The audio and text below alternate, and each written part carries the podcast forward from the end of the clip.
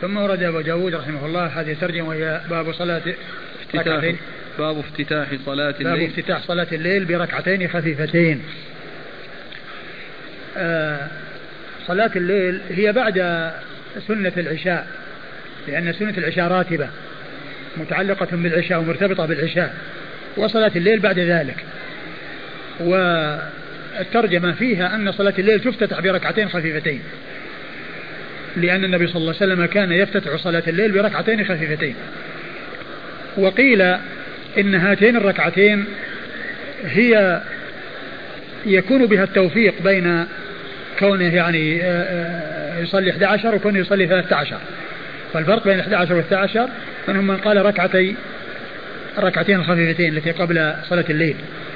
فمن فعلى على على قول إنها 11 معنى ما حسبت الركعتان. وعلى انها 13 حسبت الركعتان وقيل إن المقصود بالركعتين اللي بين ال 11 وال 13 الركعتين التي يأتي بها النبي صلى الله عليه وسلم وهو جالس بعد الوتر. وقيل ركعة الفجر. والمعروف عنه صلى الله عليه وسلم الذي قالت عائشة ما كان يزيد في رمضان ولا غيره على 11 ركعة. ف13 يجمع بينه وبين 11 بمثل هذه الأقوال. التي أشرت إليها وقد قالها بعض أهل العلم.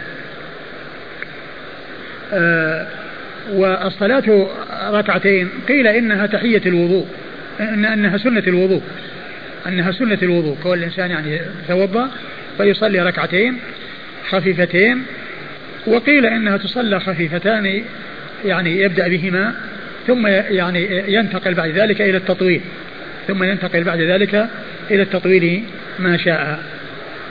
أيوه قال حدثنا الربيع بن نافع أبو توبة عن سليمان بن حيان الربيع بن نافع مر ذكره سليمان بن حيان هو أبو خالد الأحمر صدوق يخطئ أخرج له أصحاب الكتب أبو خالد الأحمر وهو صدوق يخطئ أخرج له أصحاب الكتب أصحاب الكتب الستة عن هشام بن حسان عن هشام بن حسان ثقة أخرجه أصحاب الكتب الستة. عن ابن سيرين. عن محمد بن سيرين ثقة أخرجه أصحاب الكتب الستة. عن أبي هريرة. عن أبي هريرة وقد مر ذكره. قال حدثنا مخلد بن خالد قال حدثنا إبراهيم يعني بن خالد عن رباح بن زيد عن معمر عن أيوب عن ابن سيرين عن أبي هريرة رضي الله عنه أنه قال إذا بمعناه زاد ثم ليطول بعد ما شاء. ثم ورد أبو داود يعني هذا الحديث ولكنه موقوف على أبي هريرة. هو موقوف على أبي هريرة. قال إذا يعني مثل ما تقدم يعني إحالة على الرواية السابقة. ثم قال هل يط... ثم بعد ثم ثم ليطول بعد ثم ما ليطول بعد ما شاء. يعني بعد الركعتين الخفيفتين. يعني بعد الركعتين الخفيفتين الخفيفتين يطول بعد ما شاء. أيوه. قال حدثنا مخلد بن خالد. مخلد بن خالد. ثقة أخرج له مسلم وأبو داود.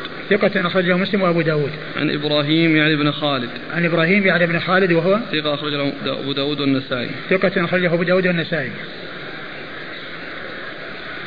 عن رباح بن زيد. عن رباح بن زيد وهو ثقة أخرج أبو داود النسائي وهو ثقة أخرجه أخرج له أبو داود النسائي عن معمر عن معمر بن راشد نعم معمر بن راشد الأزدي ثم البصري ثقة أخرجه أصحاب كتب الستة. عن أيوب عن أيوب بن أبي تميم السختياني ثقة أخرجه أصحاب كتب الستة. عن ابن سيرين عن أبي هريرة. عن ابن سيرين عن أبي هريرة وقد مر ذكرهما. قال أبو داود روى هذا الحديث حماد بن سلمة وزهير بن معاوية وجماعة عن هشام عن محمد أوقفوه على أبي هريرة. يعني مثل الذي قبله يعني الإسناد الذي قبله كان موقوف على أبي هريرة. وحماد بن سلمة ثقة أخرج حديثه البخاري تعليقا ومسلم وأصحاب السنن. وزهير بن معاوية. وزهير بن معاوية ثقة أخرج أصحاب كتب الستة. عن هشام عن محمد. عن هشام عن محمد وقد مر ذكرهما هشام بن حسان ومحمد بن سيرين. وكذلك رواه أيوب وابن عون أوقفوه على أبي هريرة. وكذلك رواه أيوب وابن عون ابن عون هو هو عبد الله عبد الله بن عون وهو ثقة أخرج له أصحاب الكتب. أخرج له أصحاب الكتب الستة. ورواه ابن عون عن محمد قال فيهما تجوز. ورواه ابن عون عن محمد قال فيهما تجوز يعني بدل خفيفتين قال فيهما تجوز يعني وهي بمعنى خفيفتين. يعني آه، لأن في لفظ خفيفتين وفي هذه الرواية بدل خفيفتين فيهما تجوز يعني تخفيف. يعني وليتجوز فيهما كما سبق أن مر في بعض الأحاديث يعني وليخففهما. قال حدثنا ابن حنبل يعني أحمد. قال حدثنا حجاج. قال قال ابن جريج أخبرني عثمان ابن أبي سليمان عن علي الأزدي عن عبيد بن عمير عن عبد الله بن حبشي الخثعمي رضي الله عنه أن رسول الله صلى الله عليه وآله وسلم سئل أي الأعمال أفضل؟ قال طول القيام. ثم ورد أبو داود حديث عبد الله, عبد الله بن حبشي الخثعمي رضي الله عنه أن النبي صلى الله عليه وسلم قال أي قيل سئل أي الأعمال أفضل؟ فقال طول القيام. وورد في بعض الروايات أي الصلاة أفضل. وهذا هو الذي يطابق يعني يوافق الجواب لأن يعني المقصود به يعني طول القيام في الصلاة. أي الصلاة أفضل؟ قال طول القيام. يعني و فال الذي جاء في بعض الروايات وهو الذي يطابق الجواب أي الصلاة أفضل؟ قال طول القيام. يعني طول القيام في الصلاة. يعني كل إنسان آه، يطيل القيام يقرأ القرآن. يطيل القيام يقرأ القرآن. نعم. قال حدثنا ابن حنبل يعني أحمد. أحمد بن حنبل.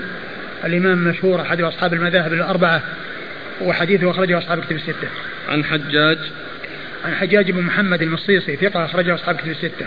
عن ابن جريج. عن ابن جريج عبد الملك بن عبد العزيز بن جريج المكي ثقة أخرجه أصحاب كتب الستة.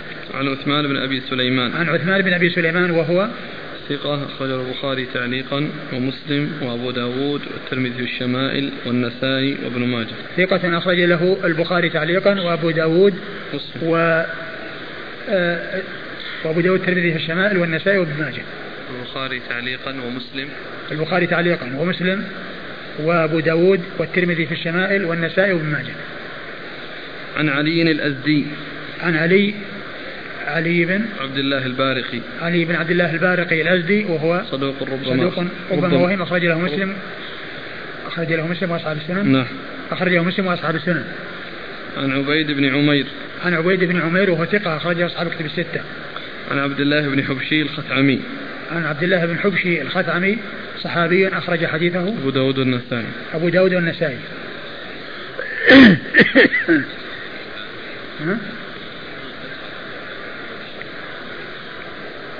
لا هي هو مضموم. الحاء مضموم. أي يعني الفتحة يعني خطأ. أن الحافظ في التقريب ضبطها بضم الحاء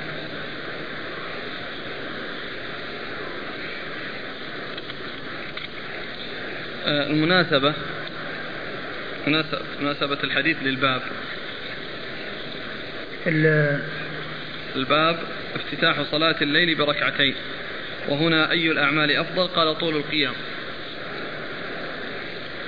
هذه ما ما يطابق الترجمة لكنه يتعلق بصلاة الليل. يعني يتعلق بصلاة الليل وبغير صلاة الليل لكن آه، غالبا أن طول القيام يكون بصلاة الليل وهو لا يختص بصلاة الليل.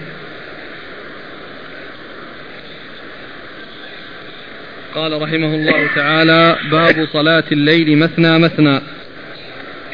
قال حدثنا القعنبي عن مالك عن نافع وعبد الله بن دينار عن عبد الله بن عمر رضي الله عنهما أن رجلا سأل رسول الله صلى الله عليه وعلى آله وسلم عن صلاة الليل فقال رسول الله صلى الله عليه وسلم صلاة الليل مثنى مثنى فإذا خشي أحدكم الصبح صلى ركعة واحدة توتر له ما قد صلى. ثم ورد أبو داود هذه الترجمة باب صلاة الليل مثنى مثنى يعني أنها تؤدى ركعتين ركعتين وهذا هو الأفضل والأولى. لأنه الذي ثبت من فعله وقوله صلى الله عليه وسلم. أما قوله فهو هذا. صلاة الليل مثنى مثنى فإذا خشى أحدكم الصبح أتى بركعة توتر ما مضى. وأما فعله فقد ثبت عن ابن عباس لما صلى عند خالته ميمونة أنه صلى يسلم من كل ركعتين. حتى يعني صلى عشر ركعات يسلم من كل ركعتين ثم أوتر بواحدة صلى الله عليه وسلم. فالفصل في صلاة الليل ركعتين ركعتين ثابت من قوله وفعله. وأما الوصل فهو ثابت من فعله صلى الله عليه وسلم. كما جاء في حديث عائشة كان يصلي أربعا لا تسأل عن سنين وطولهن ثم أربعا. فهذا يدل على الوصل. ولكن الفصل أولى من الوصل. لأنه كما عرفنا هذا ثابت من قوله وفعله وهذا ثبت من فعله صلى الله عليه وسلم فقط. وقد مر بنا صلاة النهار أنها تكون مثنى مثنى كما جاء في الحديث صلاة الليل مثنى مثنى صلاة الليل والنهار. وأنه يجوز أن تصلى يعني أربعا يعني آه، موصولة بدون فصل كما يعني تدل على ذلك بعض الأحاديث. ولكن الفصل أولى من الوصل في صلاة الليل وفي صلاة النهار. نعم. فإذا خشي أحدكم الصبح صلى ركعة واحدة. فإذا خشي أحدكم الصبح صلى ركعة واحدة توتر له ما مضى. يعني معناه أنه يصلي ركعتين ركعتين. وهذا يدلنا على أن صلاة الليل الأمر فيها واسع وأنه لا يلزم التقيد بعشر ركعات أو 11 ركعة كما كان يفعل الرسول صلى الله عليه وسلم. ولا شك أن فعل الرسول هو الأولى والأفضل ولكن الزيادة على ذلك جائزة وسائغة لهذا الحديث. صلاة الليل مثنى مثنى فإذا خشي أحدكم الصبح أتى بركعة توتر ما مضى. فهذا يدل على أن الأمر في ذلك واسع. وأن الإنسان له أن يزيد على 11 ركعة. وأنه إذا استمر في ركعتين ركعتين وخشي طلوع الفجر فإنه يأتي بركعة قبل أن يطلع الفجر توتر له ما مضى. يعني فيكون الأشفاع التي قبلها تكون وترا بهذه الركعة. قال حدثنا القعنبي عن مالك. القعنبي عن مالك مر ذكرهما. عن نافع. عن نافع وهو ثقة أخرجه أصحابه في الستة. عن ابن عمر وهو صحابي من صحابي هو أحد السبعة المعروفين بكثرة الحديث عن النبي صلى الله عليه وسلم. نافع وعبد الله بن دينار عن ابن عمر. عن عبد الله بن دينار. و... عبد الله بن... وعبد الله بن دينار ثقة أخرجه أصحاب كتب الستة. والله تعالى أعلم وصلى الله وسلم وبارك على عبده ورسوله نبينا محمد وعلى آله وأصحابه أجمعين.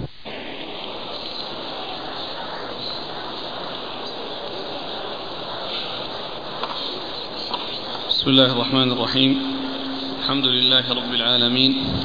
والصلاة والسلام على عبد الله ورسوله نبينا محمد وعلى آله وصحبه أجمعين. أما بعد قال الإمام أبو داود السجستاني رحمه الله تعالى باب في رفع الصوت بالقراءة في صلاة الليل. قال حدثنا محمد بن جعفر الوركاني قال حدثنا ابن أبي الزناد عن عمرو بن أبي عمرو عن عمرو بن أبي عمرو مولى المطلب عن عكرمة عن ابن عباس رضي الله عنهما أنه قال كانت قراءة النبي صلى الله عليه وعلى آله وسلم على قدر ما يسمعه من في الحجرة وهو في البيت. بسم الله الرحمن الرحيم. الحمد لله رب العالمين وصلى الله وسلم وبارك على عبده ورسوله نبينا محمد وعلى آله وأصحابه أجمعين. أما بعد يقول الإمام أبو داود السجستاني رحمه الله باب رفع الصوت في القراءة في صلاة الليل. هذا هذا الباب يتعلق برفع الصوت.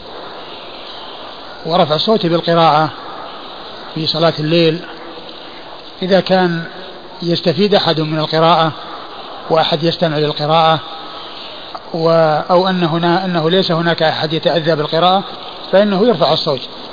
وأما إذا كان هناك أحد يتأذى بالقراءة فإنه يخفض الصوت.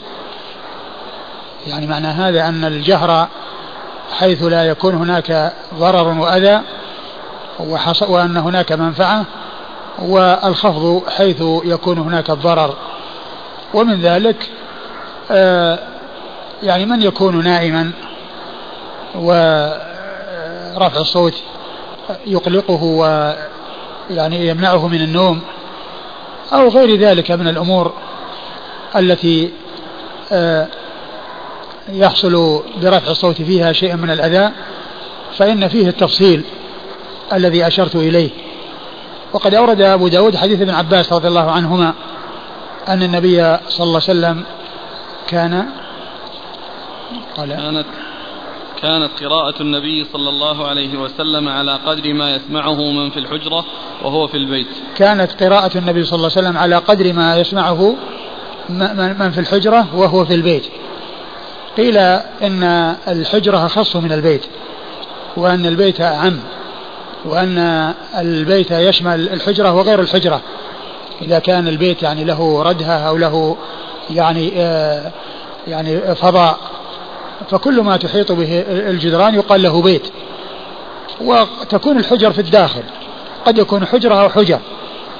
فهذا فيه أن قراءته يعني ليست مرتفعة جدا بمعنى أنها على قدر من يكون في الحجرة وهو في البيت أي في المكان المتصل به سواء كان مغطى أو مكشوفا.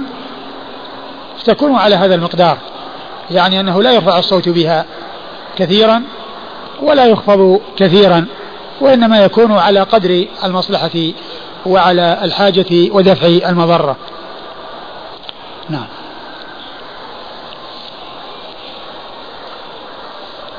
قال حدثنا محمد بن جعفر الوركاني. محمد بن جعفر. محمد بن جعفر الوركاني وهو ثقة أخرج له مسلم وأبو داود والنسائي. ثقة أخرج له مسلم وأبو داود والنسائي. عن ابن أبي الزناد. عن ابن أبي الزناد عبد الرحمن بن أبي الزناد. عبد الرحمن بن عبد الله بن ذكوان. عبد الرحمن بن عبد الله بن ذكوان. أبو الزناد هو عبد الله بن ذكوان. وأبو الزناد لقب وليس بكنية. اشتهر به عبد الله بن ذكوان. وكنيته أبو عبد الرحمن يكنى بابنه هذا الذي معنا في الإسناد ابن أبي الزناد. وهو صدوق. أخرج له. البخاري تعليقا ومسلم في المقدمة وأصحاب السنن. البخاري تعليقا ومسلم في المقدمة وأصحاب السنن. عن عمرو بن أبي عمرو مولى المطلب. عن عمرو بن أبي عمرو مولى المطلب وهو ثقة. ربما وهم أخرج أصحاب ثقة ربما وهم أخرج أصحاب الكتب الستة. عن عكرمة. عن عكرمة مولى ابن عباس وهو ثقة أخرج أصحاب الكتب الستة. عن عبد الله بن عباس ابن عبد المطلب ابن عم النبي صلى الله عليه وسلم وأحد السبعة المعروفين بكثرة الحديث عن النبي صلى الله عليه وسلم. قال حدثنا محمد بن بكار بن الريان قال حدثنا عبد الله بن المبارك عن عمران بن زائدة عن أبيه عن أبي خالد الوالبي عن أبي هريرة رضي الله عنه أنه قال كانت قراءة النبي صلى الله عليه وآله وسلم بالليل يرفع طورا ويخفض طورا قال أبو داود أبو خالد الوالبي اسمه هرمز وهذا حديث أبي هريرة رضي الله عنه يفيد أن قراءة الرسول صلى الله عليه وسلم بالليل لها أحوال. أحيانا يرفع الصوت وأحيانا يخفض وهذا على حسب المصلحة والحاجة. حيث تكون المصلحة في الرفع رفع وحيث تكون المصلحة في الخفض خفض صلى الله عليه وسلم. نعم. قال حدثنا محمد بن بكار بن الريان. محمد بن بكار بن الريان وهو ثقة أخرج له مسلم وأبو داود. ثقة أخرجه مسلم وأبو داود. عن عبد الله عن عبد الله بن المبارك المروزي ثقة أخرج له أصحاب كتب الستة. عن عمران بن زائدة. عن عمران بن زائدة وهو ثقة أخرجه أبو داود والترمذي وابن ماجه. وهو ثقة أخرجه أبو داود والترمذي وابن ماجه. عن أبيه. عن أبيه وهو مقبول. نعم. أخرج له أبو داود والترمذي أبو داود والترمذي وابن ماجه. عن أبي خالد الوالبي. عن أبي خالد الوالبي واسمه هرمز. وهو مقبول أخرجه أبو داود والترمذي وابن ماجه. وهو مقبول أخرج حديث أبو داود والترمذي وابن ماجه. عن أبي هريرة. عن أبي هريرة عبد الرحمن بن صخر الدوسي صاحب رسول الله صلى الله عليه وسلم وأحد السبع المعروفين بكثرة الحديث عن النبي صلى الله عليه وسلم.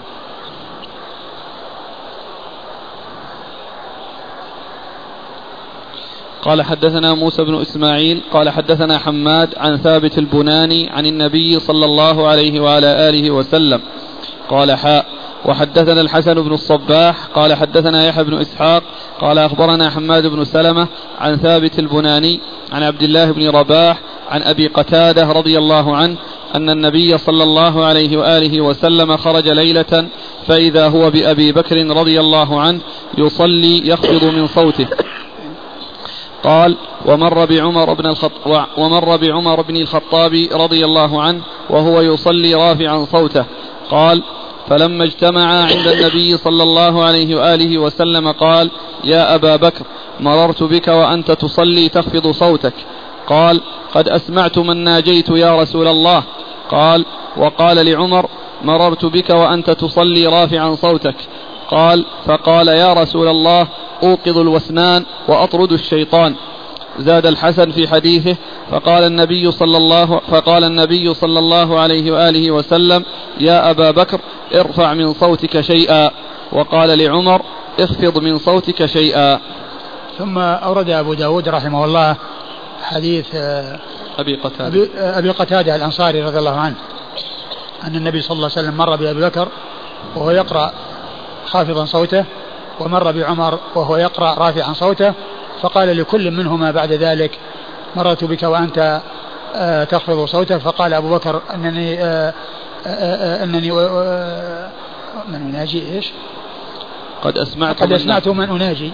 قد أسمعت من أناجي وهو الله يعني الله سبحانه وتعالى يسمع قراءته وهو يصلي وقراءته يسمعها من يناجيه وهو الله سبحانه وتعالى. وقال لعمر مررت بك وأنت رافعا صوتك فقال أوقظ الوسنان يعني النايم وأطرد الشيطان وأطرد الشيطان. فالنبي صلى الله عليه وسلم أمر بأبا بكر بأن يرفع من صوته وأمر عمر بأن يخفض من صوته فيكون متوسطا يعني بين بين الرفع بين الرفع الشديد وبين الخفض الشديد وإنما بالتوسط بين هذا وهذا. نعم.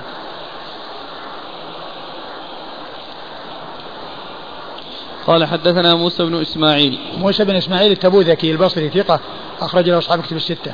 عن حماد عن حماد بن سلمة وهو ثقة أخرجه البخاري تعليقا ومسلم وأصحاب السنن. عن ثابت البناني عن ثابت بن أسلم البناني وهو ثقة أخرجه أصحاب كتب الستة. عن عن النبي صلى الله عليه وسلم وهذا مرسل. وثم بعد ذلك الطريقة الثانية متصلة. قال حا وحدثنا الحسن بن الصباح. حا وحدثنا الحسن بن الصباح وهو ثقة أخرج له. صدوق يهم. وهو صدوق يهم أخرج له. البخاري وأبو داود والترمذي والنسائي. البخاري وأبو داود والترمذي والنسائي. عن يحيى بن إسحاق. عن يحيى بن إسحاق وهو صدوق رجله مسلم وأصحاب السنن صدوق أخرجه مسلم وأصحاب السنن عن حماد بن سلمة عن ثابت البناني عن عبد الله بن رباح. عن حماد بن سلمة مر ذكره عن ثابت البناني مر ذكره عن عبد الله بن رباح. عبد الله بن رباح.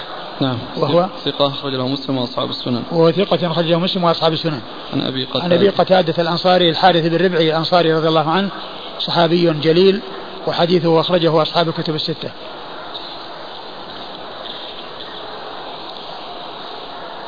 هذا خاص بقيام الليل يعني الإنسان لو يصلي النوافل مثلا صلاة الضحى. صلاة النهار سرية ما يجهر فيها بالقراءة. صلاة النهار سرية.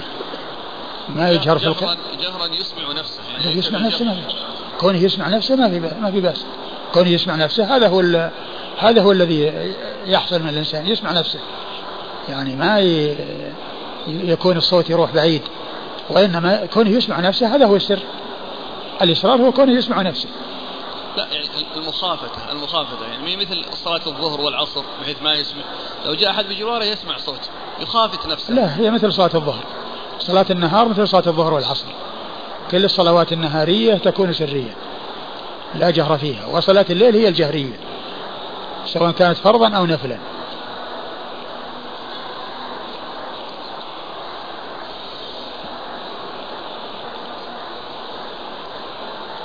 قال حدثنا أبو حسين أبو حسين بن يحيى الرازي قال حدثنا أسباط بن محمد عن محمد بن عمرو عن أبي سلمة عن أبي هريرة رضي الله عنه عن النبي صلى الله عليه وسلم بهذه القصة لم يذكر فقال لأبي بكر ارفع من صوتك شيئا ولعمر اخفض, اخفض شيئا.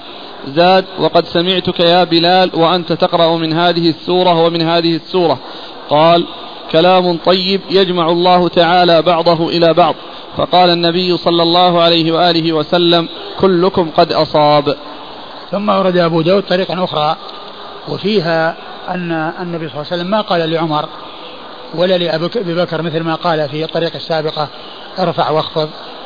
وفيها زيادة وأن بلالا كان يقرأ يعني آه، من سورة ومن سورة. فقال الكلام فسأله النبي صلى الله عليه وسلم فقال الكلام الطيب يجمع يجمع بعضه يجمع يجمع بعضه إلى بعض. طيب يجمع الله تعالى بعضه إلى بعض. الكلام الطيب يجمع الله بعضه إلى بعض. يعني وإن كان من سورتين أو آيات من سورتين أو يعني إيه، ليس من سورة واحدة.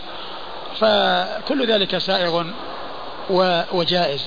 فالنبي صلى الله عليه وسلم قال كلكم مصيب يعني الثلاثة اللي هم أبو بكر وعمر وبلال. يعني ذاك في كونه يخفض صوته وهذا في كونه يرفع صوته وهذا في كونه يقرأ من سورة ومن سورة. آيات من سورة وآيات من سورة. يعني معناه في ركعة في ركعة من هذه وركعة من هذه.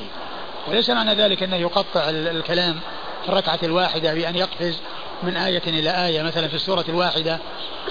ولكن هذا يعني فيما يظهر باعتبار الركعات بحيث أنه يقرأ آيات من سورة في ركعة ثم آيات من سورة في ركعة.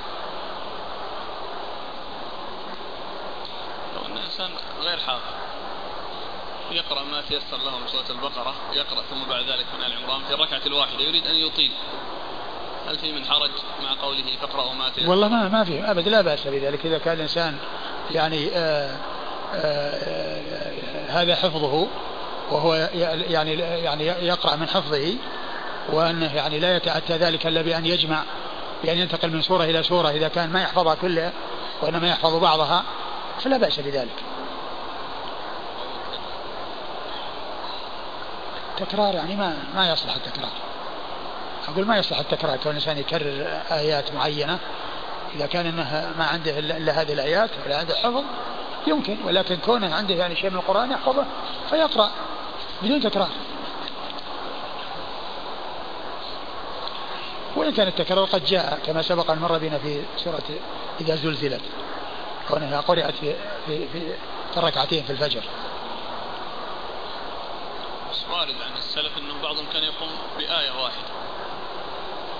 نعم لكن كون الإنسان كون الإنسان يعني عنده شيء من القرآن ويعني يقرأه ويتأمل فيه أولى من كونه يكرر آية واحدة.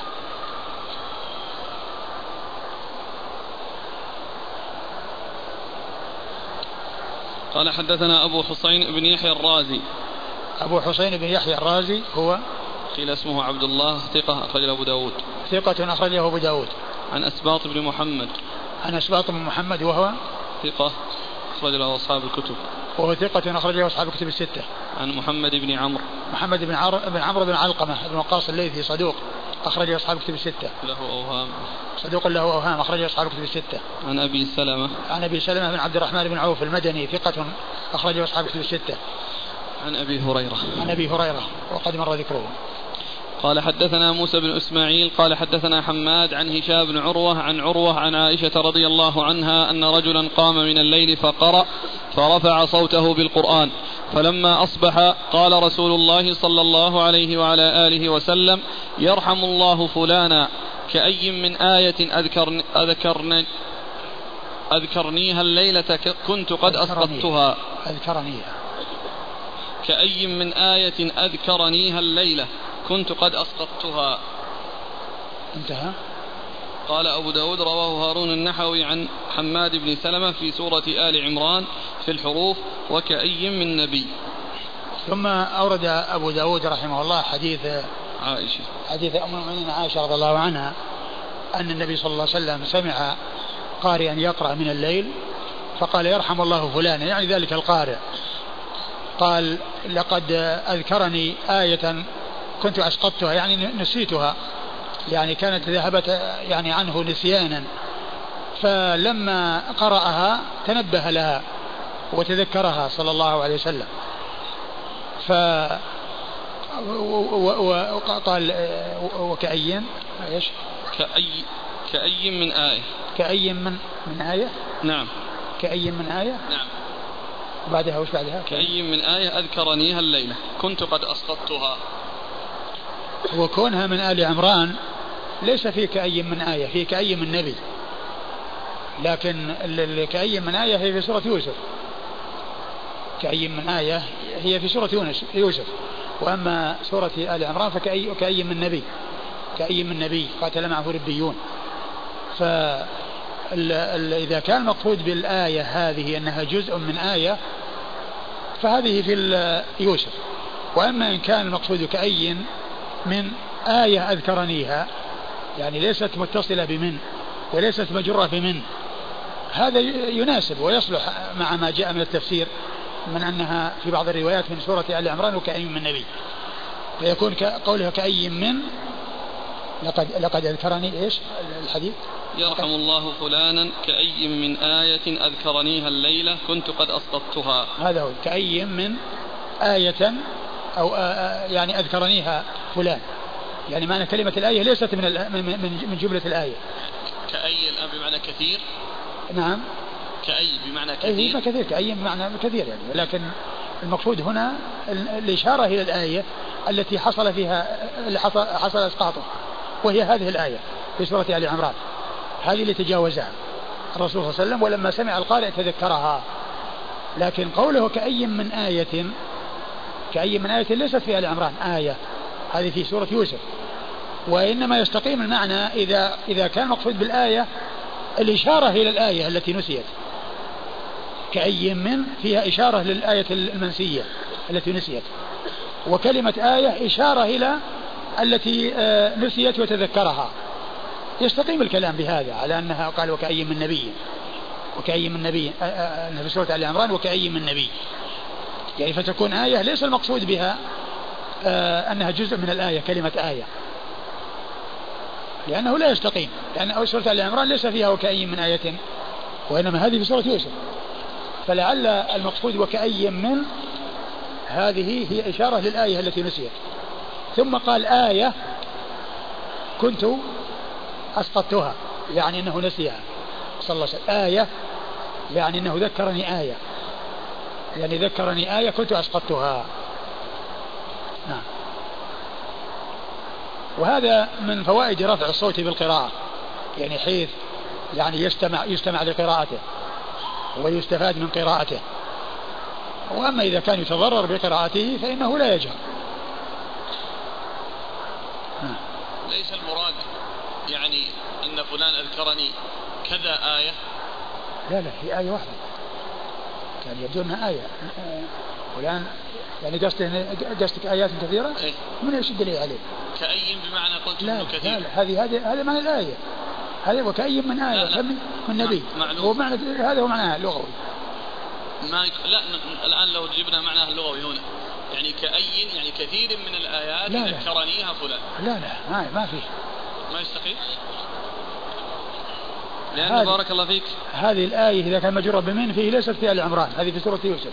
لا ما يعني ما ما نحملها على أنه ذكر آية معينة التي بدأت بكأي أيوة. إنما ذكره هذا الرجل ذكر رسول الله صلى الله عليه وسلم كثيرا من الآيات. وش الدليل على هذا؟ رواية مسلم. وش هي؟ وش قال؟ سمع رجلا يقرأ من الليل فقال يرحمه الله لقد أذكرني كذا وكذا آية كنت أسقطتها من سورة كذا وكذا. خلاص هذا هو هذا هو الجواب. ما دام أن في صحيح مسلم عن هذا الشيء يعني معناه أن فيه أنه يعني فيه ال ال ال عدة آيات. وعلى هذا يكون يعني ال آه، يكون وكأي من آية وكأي من آية. يعني معناه آيات. لكن الآن هو أشار في الآخر في الرواية الثانية إلى أنها إيش؟ قال أبو داود رواه هارون النحوي عن حماد بن سلمة في سورة آل عمران في الحروف. كأي من نبي. هذا هو كأي من نبي. يعني معناه كأن هذه التي نسيت. ما فيها قراءة كأي من نبي. وين؟ هي الآية هي نفسها. كأي من نبي قاتل معه ربيون في سورة آل عمران. وكأي من نبي قاتل معه ربيون لا لأنه الفرق عندنا الآن أن الآية على قراءة حفص فيها كأي ياء ونون. بينما أيوة. الضبط الموجود عندنا كأي فقط. فما في قراءة لأنه هو الحروف الظاهر يعني يقرأ يقصد القراءة والحروف. أنه في قراءة يعني غير القراءة اللي نعرفها نحن كأي من نبي بدون نون. يعني ألف وياء. على كل القراءات أقول هذا يرجع إلى إلى إلى قراءاته. وإيش القراءات التي فيها؟ وإنما الكلام ما دام في صحيح مسلم يعني يقول كذا وكذا يعني معناه أنها عدة آيات.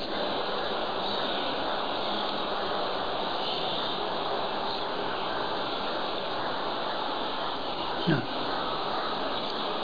هو نفس الحديث؟ هو نفس هذا كلام كلام هذا كلام صاحب العون إي لكنه يعني نفس الصحابي في نفس الصحابي عائشة. والله ما أدري. الحديث لما شرحه صاحب العون قال وفي رواية لمسلم سمع رجلا يقرأ من الليل فقال يرحمه الله لقد أذكرني كذا وكذا آية كنت أسقطتها من سورة كذا وكذا. لكن لما شرح هذا المعلق رواه هارون النحوي عن حماد بن سلمة. يقول غرضه أن هارون النحوي قال عن حماد يرحم الله يرحم الله فلانا.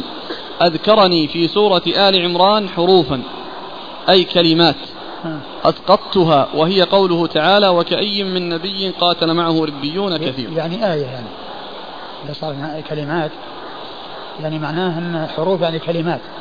تصير آية مشتملة على كلمات. لكن الحديث الذي في صحيح مسلم يعني واضح في أنها عدة آيات.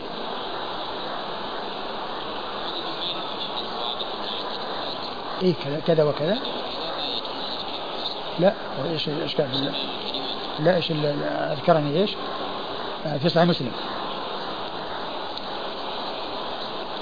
سمع رجلا يقرأ من الليل فقال يرحمه الله لقد أذكرني كذا وكذا آية كنت أسقطتها من سورة كذا وكذا. بس كذا وكذا آية. يعني هل ك... يعني آية تمييز لكذا وكذا؟ من سورة كذا وكذا. أيوة من سورة كذا وكذا. يعني معناها أن في يعني حتى فيه سور. يعني معنى سورة كذا وكذا يعني أكثر من سورة. يعني سورة كذا وكذا يعني معناها أكثر من سورة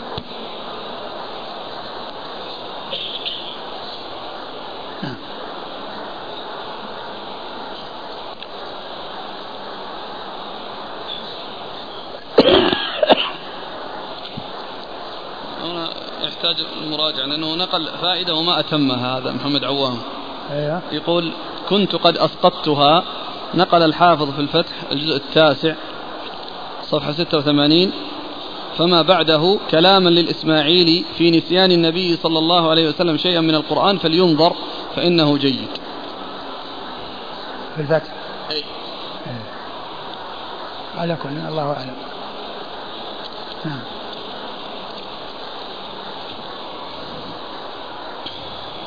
قال حدثنا موسى بن إسماعيل عن حماد عن هشام بن عروة. هشام بن عروة ثقة أخرجه أصحاب كتب الستة.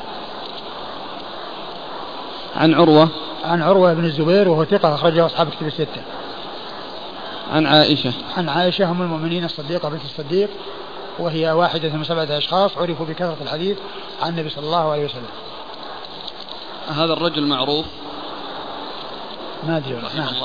ما أدري.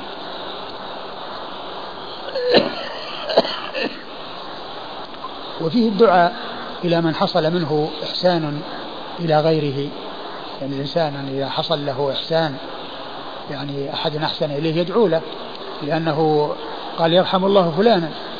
وأيضا يعني كان ما كان يقصده ولا يدري أنه كان يستمع له ولا يدري أنه كان يستمع له.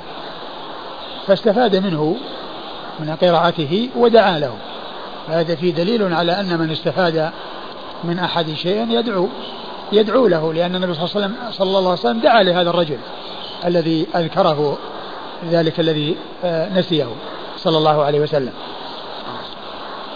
وهذا يفيدنا أن القرآن العظيم يحتاج إلى عناية وإلى تعاهد.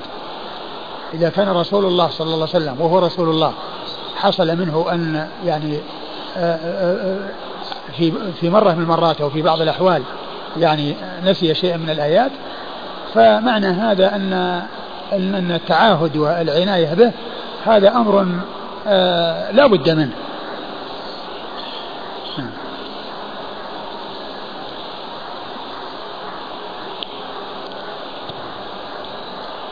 قال أبو داود رواه هارون النحوي عن حماد بن سلمة.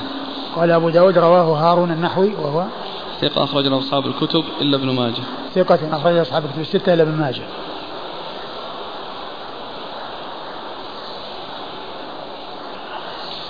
قال حدثنا الحسن بن علي قال حدثنا عبد الرزاق قال أخبرنا معمر عن إسماعيل بن أمية عن أبي سلمة عن أبي سعيد رضي الله عنه أنه قال اعتكف رسول الله صلى الله عليه وآله وسلم في المسجد فسمعهم يجهرون بالقراءة. فكشف الستر وقال ألا إن كلكم مناج ربه فلا يؤذين بعضكم بعضا ولا يرفع بعضكم على بعض في القراءة أو قال في الصلاة. ثم ورد أبو داود حديث أبي سعيد الذي يبين أنه إذا كان فيه تأذي للقراءة في رفع الصوت فإنه لا يفعل وإنما تحصل القراءة ورفع الصوت فيما إذا كان لا يتأذى بجهره أحد ولا يتأذى برفع الصوت صوته أحدا. يتأذى برفعه صوته أحد. فالرسول صلى الله عليه وسلم آه، كان معتكفا فسمعهم يقرؤون رافعي أصواتهم فكشف الستر وقال آه إن كل منكم يناجي. ألا إن كلكم مناج ربه. فلا ألا إن كلكم مناج ربه.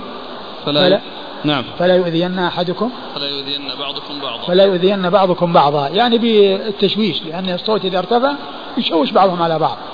مثل ما يحصل الإنسان يعني الإنسان إذا كان يقرأ وناس يقرؤون وطلع واحد أو يعني بعض الأشخاص يرفعون أصواتهم يتشوشون ما ما يتمكنون من القراءة. ولكن إذا كانوا خافضين الأصوات إذا كانوا خافضي, خافضي الأصوات كل يقرأ وكل يتمكن من القراءة ولا يشوش أحد على أحد. نعم. قال في أو, أو قال في الصلاة. يعني في القراءة في الصلاة يعني سواء كان الإنسان يقرأ يصلي ويقرأ في الصلاة أو أنه يقرأ قراءة يعني ليست في الصلاة. كل ذلك لا يرفع الصوت إذا كان يتأذى أحد. سواء كان يصلي فلا يرفع صوته بالقراءة أو كان يقرأ بدون صلاة لا يرفع صوته بالقراءة حيث يتأذى بجهره أحد.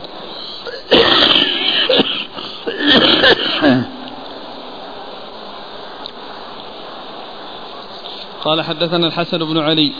الحسن بن علي الحلواني ثقة. أخرج له أصحاب كتب الستة إلا النسائي. عن عبد الرزاق. عن عبد الرزاق بن همام الصنعاني اليماني ثقة. أخرجه أصحاب كتب الستة. عن معمر. معمر بن راشد الأزدي ثقة. أخرجه أصحاب كتب الستة.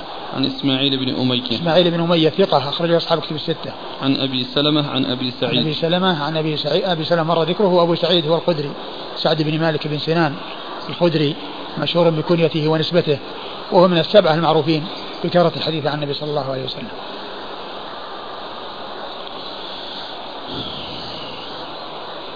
قال حدثنا عثمان بن أبي شيبة قال حدثنا إسماعيل بن عياش عن بحير بن سعد عن خالد بن معدان عن كثير بن مر الحضرمي عن عقبة بن عامر الجهني رضي الله عنه أنه قال قال رسول الله صلى الله عليه وآله وسلم الجاهر بالقرآن كالجاهر بالصدقة والمسر بالقرآن كالمسر بالصدقة. ثم أورد أبو داود حديث عقبة بن عامر الجهني رضي الله عنه. الجاهر بالقرآن كالجاهر بالصدقة. والمسر بالقرآن كالمسر بالصدقة. ومن المعلوم أن ال ال ال الإصرار بالصدقة في بعض الأحيان يكون آه، فيه فائدة آه، أولى من الجهر والجهر بالصدقة يكون أولى. من الإصرار فإذا كان الجهر بالصدقة وإظهار الصدقة يترتب عليه مصلحة وهي أنه يقتدى به في الخير فهذا الجهر أولى أو الصدقة أولى يعني علانية. وإذا كان آه، السر وعدم ليس هناك حاجة إلى أظهارها فإن الإصرار يكون أولى. والجاهر بالقرآن إذا كان يعني ما أحد ينتفع منه وأحد يستفيد منه وأحد يستمع لقراءته ولا يتأذى بقراءة أحد آه، آه، يكون أفضل من هذه الناحية. والمسر بالقرآن والمسر بالقرآن يعني حيث يحصل التأذي لو جهر لو التأذي منه لو جهر فإنه يكون كالإصرار كالإصرار في الصدقة. يعني هذا له ميزة وهذا له ميزة. ويرجع في ذلك إلى المصلحة والحاجة ودفع الضرر. في كل من هذا وهذا. نعم. قال حدثنا عثمان بن أبي شيبة. عثمان بن أبي شيبة ثقة أخرجه أصحاب كتب الستة. إلا إلا الترمذي. الا, إلا الترمذي نعم. عن إسماعيل بن عياش. عن إسماعيل بن عياش وهو صدوق. في روايته عن أهل بلده. صدوق في روايته عن أهل بلده وهذا من روايته عن أهل بلده. لأن بحير بن سعد من أهل بلده. أخرج له البخاري في رفع اليدين. أخرجه البخاري في رفع اليدين. وأصحاب السنن. أخرجه حديث البخاري في رفع اليدين وأصحاب السنن. عن بحير بن سعد. عن بحير بن سعد الحمصي وهو ثقة أخرجه البخاري في الأدب المفرد وأصحاب السنن. ثقة أخرجه البخاري في الأدب المفرد وأصحاب السنن. عن خالد بن معدان. عن خالد بن معدان وهو ثقة. أخرجه أصحاب كتب الستة. عن كثير بن مرة الحضرمي. عن كثير بن مرة الحضرمي وهو ثقة أخرج له. البخاري في جزء القراءة وأصحاب السنن. البخاري في جزء القراءة وأصحاب السنن. عن عقبة بن عامر الجهني. عن عقبة بن عامر الجهني رضي الله عنه صاحب رسول الله صلى الله عليه وسلم وحديثه أخرجه أصحاب كتب الستة.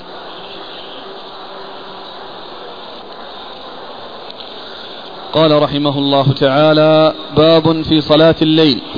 قال حدثنا ابن المثنى قال حدثنا ابن أبي عدي عن حنظلة عن القاسم بن محمد عن عائشة رضي الله عنها أنها قالت كان رسول الله صلى الله عليه وآله وسلم يصلي من الليل عشر ركعات ويوتر بسجدة ويسجد, ويسجد سجدتي الفجر فذلك ثلاث عشرة ركعة.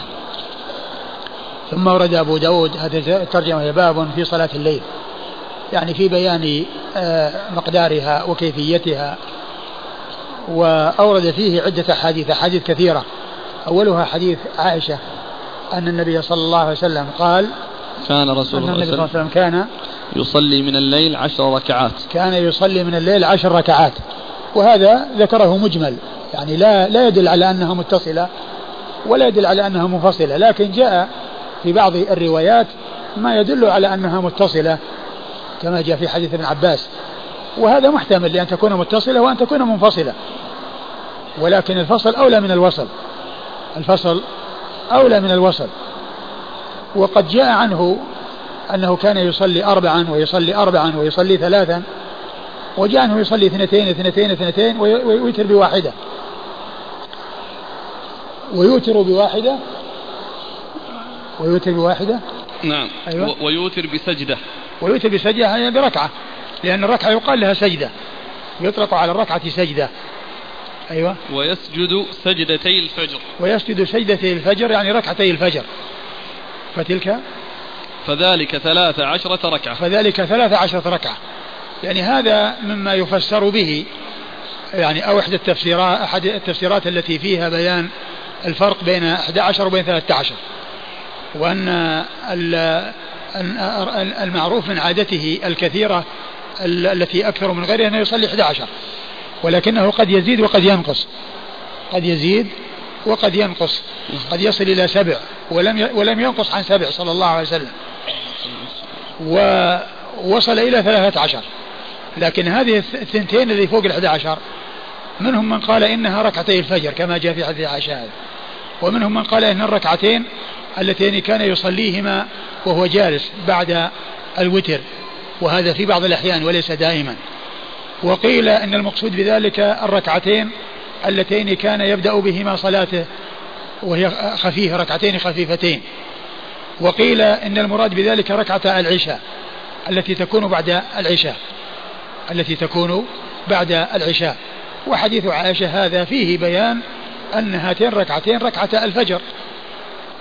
ومعنى هذا أن أن هذا لا يختلف مع ما جاء عنها من أنه 11 لأن لأنها بينت أن الوصول إلى 13 إنما كان بركعتي الفجر. وفيه الأقوال التي أشرت إليها. نعم. قال حدثنا ابن المثنى. ابن المثنى محمد المثنى الزمن أبو موسى ثقة أخرجه أصحاب الكتب الستة بل هو شيخ لأصحاب الكتب الستة. عن ابن أبي عدي. عن ابن أبي عدي وهو محمد بن إبراهيم. ابن أبي عدي ثقة أخرجه أصحاب الكتب الستة. عن حنظلة. عن حنظلة بن أبي سفيان الجمحي وهو ثقة أخرجه أصحاب الكتب. أصحاب الكتب الستة. عن القاسم بن محمد. عن القاسم بن محمد بن أبي بكر الصديق وهو ثقة فقيه. أحد فقهاء المدينة السبعة في عصر التابعين. حديثه أخرجه أصحاب الكتب الستة. عن عائشة. نعم. عن عائشة وقد مر ذكرها.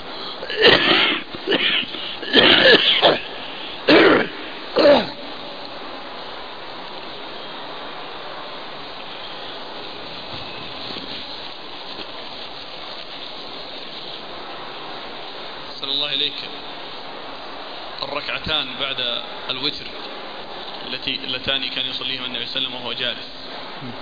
هل هما سنة الآن يعمل بهما؟ الرسول صلى الله عليه وسلم ما داوم عليهما وإنما فعلهما بعض الأحيان. فلو أن أحدا فعلهما اقتداء برسول الله صلى الله عليه وسلم في بعض الأحيان لا بأس بذلك. على هذه الأيام يصلي جالس وهو قادر على القيام. أي نعم ولكنها يعني الرسول صلى الله عليه وسلم كما هو معلوم جاء في بعض الروايات كما سيأتي أنه كان يبتدئ ثم يقوم. يعني يصلي وهو جالس يعني يبدأ الصلاة وهو جالس ثم يقوم. والرسول صلى الله عليه وسلم إذا صلى جالسا له الأجر كاملا. وأما غيره فأجره على النصف. أجره على النصف. فإذا فعل ذلك في بعض الأحيان لا بأس بذلك. وإن فعله قائما فلا شك أنه أولى وأكمل لأن الرسول صلى الله عليه وسلم لو صلى جالسا يحصل الأجر كاملا وأما الإنسان فأجره على النصف من الصلاة كما جاء ذلك عن النبي صلى الله عليه وسلم في بعض الأحاديث.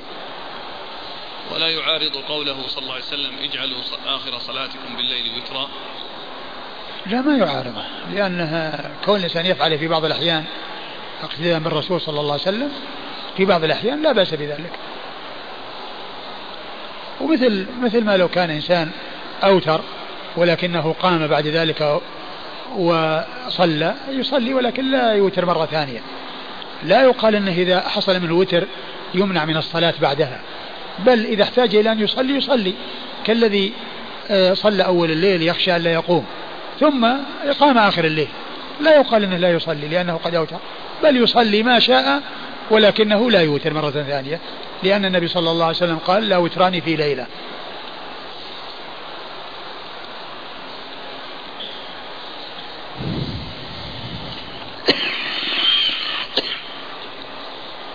قال حدثنا القعنبي عن مالك عن ابن شهاب عن عروة بن الزبير عن عائشة رضي الله عنها زوج النبي صلى الله عليه وعلى آله وسلم أن رسول الله صلى الله عليه وآله وسلم كان يصلي من الليل إحدى عشرة ركعة يوتر منها بواحدة فإذا فرغ منها اضطجع على شقه الأيمن. ثم ورد أبو داود حديث عائشة رضي الله عنها أن النبي صلى الله عليه وسلم كان يصلي إحدى عشرة ركعة يوتر منها بواحدة. يعني واحدة يصليها على حدة تكون هي الوتر تشفع له ما مضى. فإذا فرغ اضطجع على شقه الأيمن. يعني وهذا يعني يكون في يعني بعد يعني بعد الفراغ من من من صلاة الوتر وقبل أن يأتي وقت الفجر. ومعنى هذا أن هذا الاضطجاع يعني كان للاستراحة لأنه بعد العمل الذي عمله والصلاة التي صلاها يستريح حتى ينشط لصلاة الفجر. وكما جاء في الحديث أن الأذان الأول لإرجاع القائم وإيقاظ النائم. إرجاع القائم يعني حتى يستريح وإيقاظ النائم حتى يعني يصلي الوتر لا يفوته الوتر وليتسحر إذا كان يريد أن يصوم. وليتسحر إذا كان يريد أن يصوم. نعم. قال حدثنا القعنبي عن مالك. القعنبي عبد الله بن مسلمة بن قعنب ثقة أخرج أصحاب الكتب الستة إلا ابن ماجه. مالك بن أنس إمام دار الهجرة الإمام المشهور حديثه أخرجه أصحاب الكتب الستة. عن ابن شهاب. عن ابن شهاب محمد بن مسلم بن عبيد الله بن شهاب الزهري ثقة أخرجه أصحاب الكتب الستة. عن عروة بن الزبير. عن عروة بن الزبير عن عائشة وقد مر ذكرهما.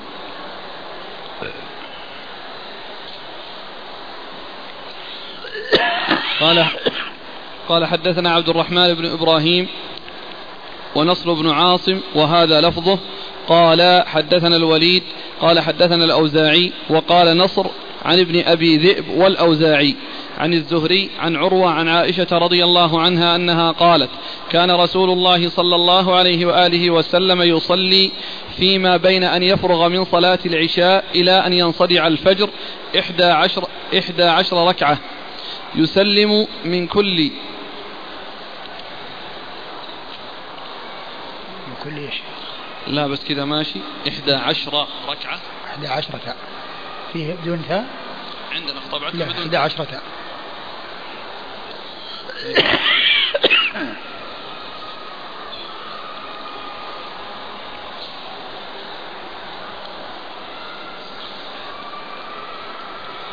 كان رسول الله صلى الله عليه وآله وسلم يصلي فيما بين أن يفرغ من صلاة العشاء إلى أن ينصدع الفجر إحدى عشرة ركعة يسلم من, كل ثنتين ويوتر بواحدة.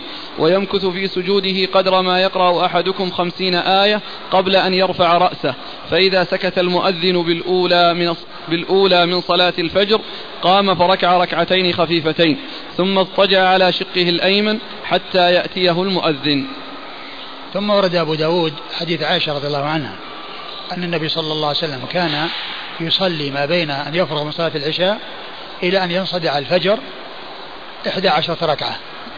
يسلم من كل اثنتين. يسلم من كل اثنتين. نعم يسلم, يسلم من كل اثنتين يعني يفصل كل ركعتين على حدة والركعة الأخيرة وحدها التي يحصل الإيتار العدد بها. كون العدد يكون بها وترا هي الحادية عشرة ف آه، فكان هذه كيفية صلاته صلى الله عليه وسلم أنه كان يصلي ركعتين ركعتين وجملة ذلك 11 ركعة. وهذا يعني يحتمل أن يكون المقصود يعني آه، به أن يفرغ من صلاة العشاء يعني وسنته وسنتها. ومعنى هذا تكون يعني غير ال 11 اللي هي آه، الركعتان اللي صلاة العشاء الراتبة. والمقصود من ذلك قيام الليل وتكون الصلاة المتعلقة بالعشاء التي هي سنتها لا لا علاقة لها في قيام الليل. كان يصلي ركعتين في بيته بعدما ينصرف من الصلاة ويصلي 11 من الليل. كما جاء في حديث ابن عباس لما نام عند خالته ميمونة واستيقظ قام وصلى 11 ركعة. إيش بعده؟ ويمكث في سجوده قدر ما أنه يطيل القراءة والركوع والسجود.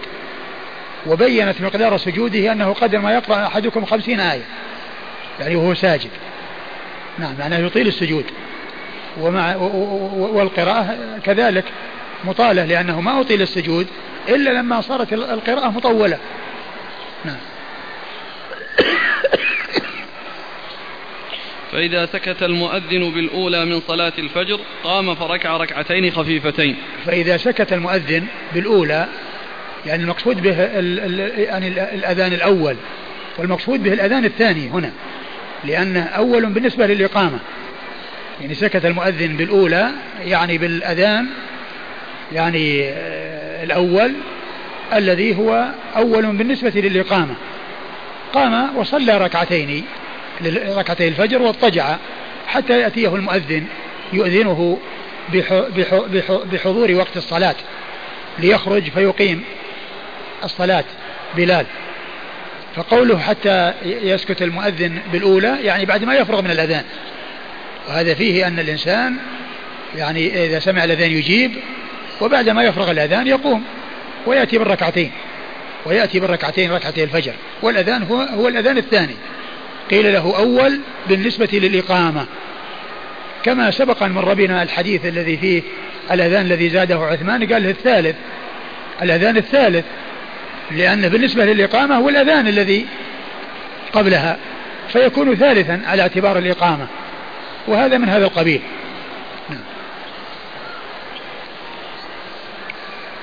قالت ثم اضطجع قام فركع ركعتين خفيفتين ثم اضطجع على شقه الأيمن نعم حتى يأتيه المؤذن نعم. حتى يأتيه المؤذن يؤذنه بحضور وقت الصلاة نعم قال حدثنا عبد الرحمن بن إبراهيم. عبد الرحمن بن إبراهيم هو الملقب دحيم وهو ثقة أخرج له. البخاري وأبو داود والنسائي بن ماجه. البخاري وأبو داود والنسائي بن ماجه. ونصر بن عاصم. ونصر بن عاصم وهو لين الحديث أخرج له. لين الحديث أخرج له. أبو داود. أبو داود. قال وهذا لفظه. وهذا لفظه يعني لفظ الثاني. عن الوليد.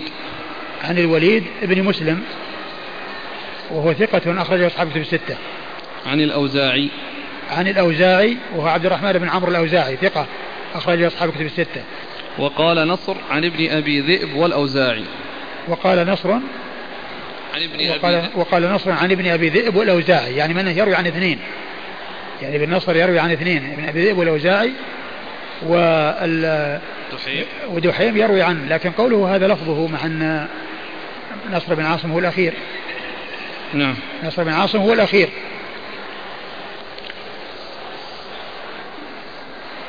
يعني فكأنه ساقه على على لفظ عاصم ولكنه بعد ذلك قال نصر بن عاصم. يعني معناه كأن يعني أن هذا اللفظ أو هذا السياق سياق دحيم لكن الضمير يرجع إلى أقرب مذكور. الضمير يرجع إلى أقرب مذكور. لكن قول أبو داود وقال نصر عن ابن أبي ذئب و والأوزاعي, والأوزاعي يعني يشكل على قوله وهذا لفظه. يشكل على قوله وهذا لفظه لأنه يعني آه، السياق يعني يبدو أن السياق دحيم وليس سياق لقوله وقال نصر فلان وفلان لأن دحيم ما عنده آه، ابن أبي ذئب ونصر هو الذي عنده اثنان ابن أبي ذئب والأوزاعي نعم.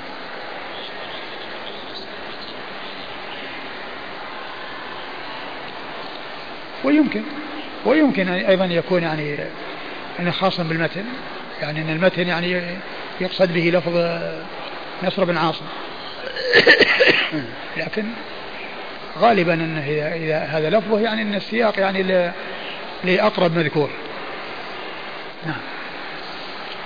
محمد آه، بن أبي ذئب. محمد بن عبد الرحمن بن المغيرة ابن أبي ذئب ثقة أخرجه أصحاب كتب الستة. عن الزهري عن عروة عن عائشة. وقد مر ذكرهم. قال حدثنا سليمان بن داود المهري قال حدثنا ابن وهب قال أخبرني ابن أبي ذئب وعمرو بن الحارث ويونس بن يزيد أن ابن شهاب أخبرهم بإسناده ومعناه قال ويوتر بواحدة ويسجد سجدة ويسجد سجدة قدر ما يقرأ أحدكم خمسين آية قبل أن يرفع رأسه. فإذا سكت المؤذن من صلاة الفجر وتبين له الفجر وساق معناه قال وبعضهم يزيد على بعض. ثم ورد أبو داود الحديث من طريق أخرى وهو مثل الذي قبله. نعم. قال حدثنا سليمان بن داود المهري. سليمان بن داود المهري المصري ثقة أخرجه أبو داود والنسائي. عن ابن وهب. عن وهب عبد الله بن وهب المصري ثقة أخرجه أصحاب الستة. عن ابن أبي ذئب وعمرو بن الحارث. عن ابن أبي ذئب مر ذكره. عمرو بن الحارث هو المصري ثقة أخرجه أصحاب كتب الستة. ويونس بن يزيد هو الأيلي وهو ثقة أخرجه أصحاب كتب الستة. عن ابن شهاب بإسناده ومعناه. عن ابن شهاب بإسناده ومعناه. نعم. قال وبعضهم يزيد على بعض. يعني الثلاثة الذين يعني الذين هم يونس وعمرو بن الحارث وابن أبي ذئب.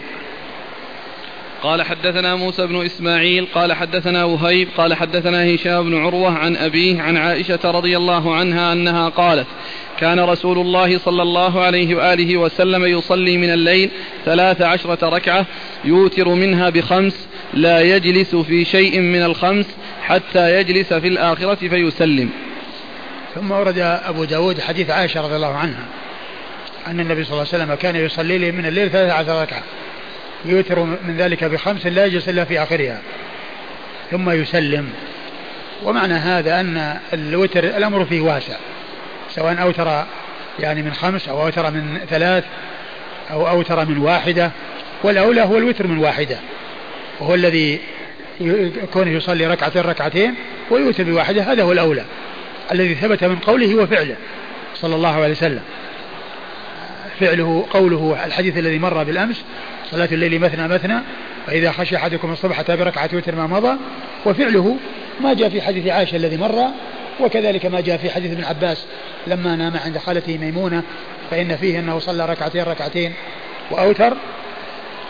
وهنا قال ثلاثة عشر والحديث التي مرت 11 فيعني يمكن أن يحمل على أن الركعتين اللي هي الفرق بين 11 و 13 أنها إما ركعتي العشاء أو الركعتان الخفيفتان اللتان تبدأ بهما صلاة الليل تبتدأ بهما صلاة الليل. نعم. قال حدثنا موسى بن إسماعيل عن وهيب. وهيب بن خالد ثقة أخرجه أصحاب كتب الستة. عن هشام بن عروة عن أبيه عن عائشة. وقد مر ذكرهم. قال أبو داود رواه ابن نمير عن هشام نحوه. قال أبو داود رواه ابن نمير عن هشام بن نمير وعبد الله بن نمير. ثقة أخرجه أصحاب كتب الستة. نعم. قال حدثنا القعنبي عن مالك عن هشام بن عروة عن أبيه عن عائشة رضي الله عنها أنها قالت كان رسول الله صلى الله عليه وآله وسلم يصلي بالليل ثلاث عشرة ركعة ثم يصلي إذا سمع النداء بالصبح ركعتين خفيفتين. ثم ورد حديث عائشة رضي الله عنها وأن النبي صلى الله عليه وسلم كان يصلي من الليل ثلاث عشرة ركعة وإذا سمع النداء في الصبح صلى ركعتين خفيفتين اللي صلاة ركعتي الفجر ركعتي الفجر. فهذا مثل الذي قبله أنه ثلاثة عشر. قال حدثنا القعنبي عن مالك عن هشام بن عروة عن أبيه عن عائشة. وكلهم مر ذكرهم. عشان يقطعنا الأذان باقي أظن دقيقتين. كمل ولا؟ باقي دقيقتين؟ نعم. دقيقتين أو ثلاث يعني إيه. بينهم. والله تعالى أعلم وصلى الله وسلم وبارك على عبده ورسوله نبينا محمد وعلى آله وأصحابه أجمعين.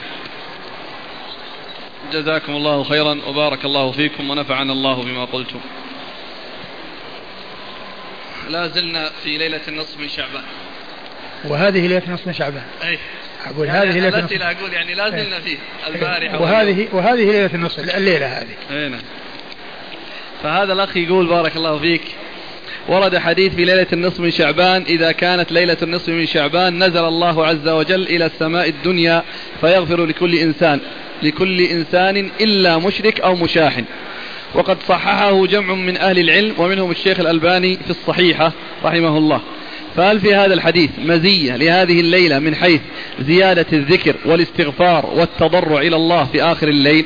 في جماعة كثيرون لم يصححوا هذا الحديث وضعفوا كل الأحاديث التي وردت في ليلة في ليلة نصف من شعبان. فما يت... ف... فما يتعلق بالنصف من شعبان سواء كان ليلا أو نهارا ليس له مزية.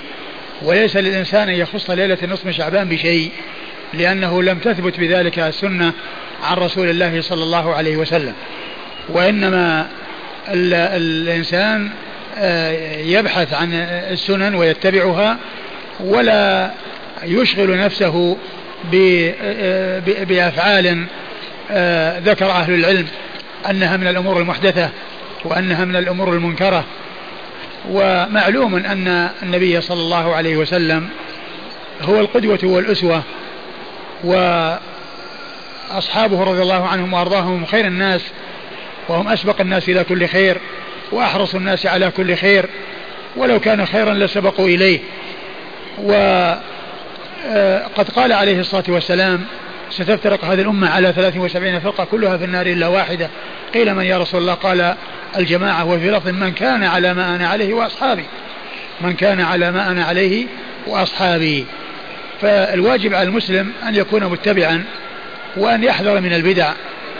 ولشيخنا الشيخ عبد العزيز بن باز رحمة الله عليه رسالة كتبها عن ليلة النصف من شعبان مع رسائل أخرى ثلاث آه، أطلق عليها اسم التحذير من البدع.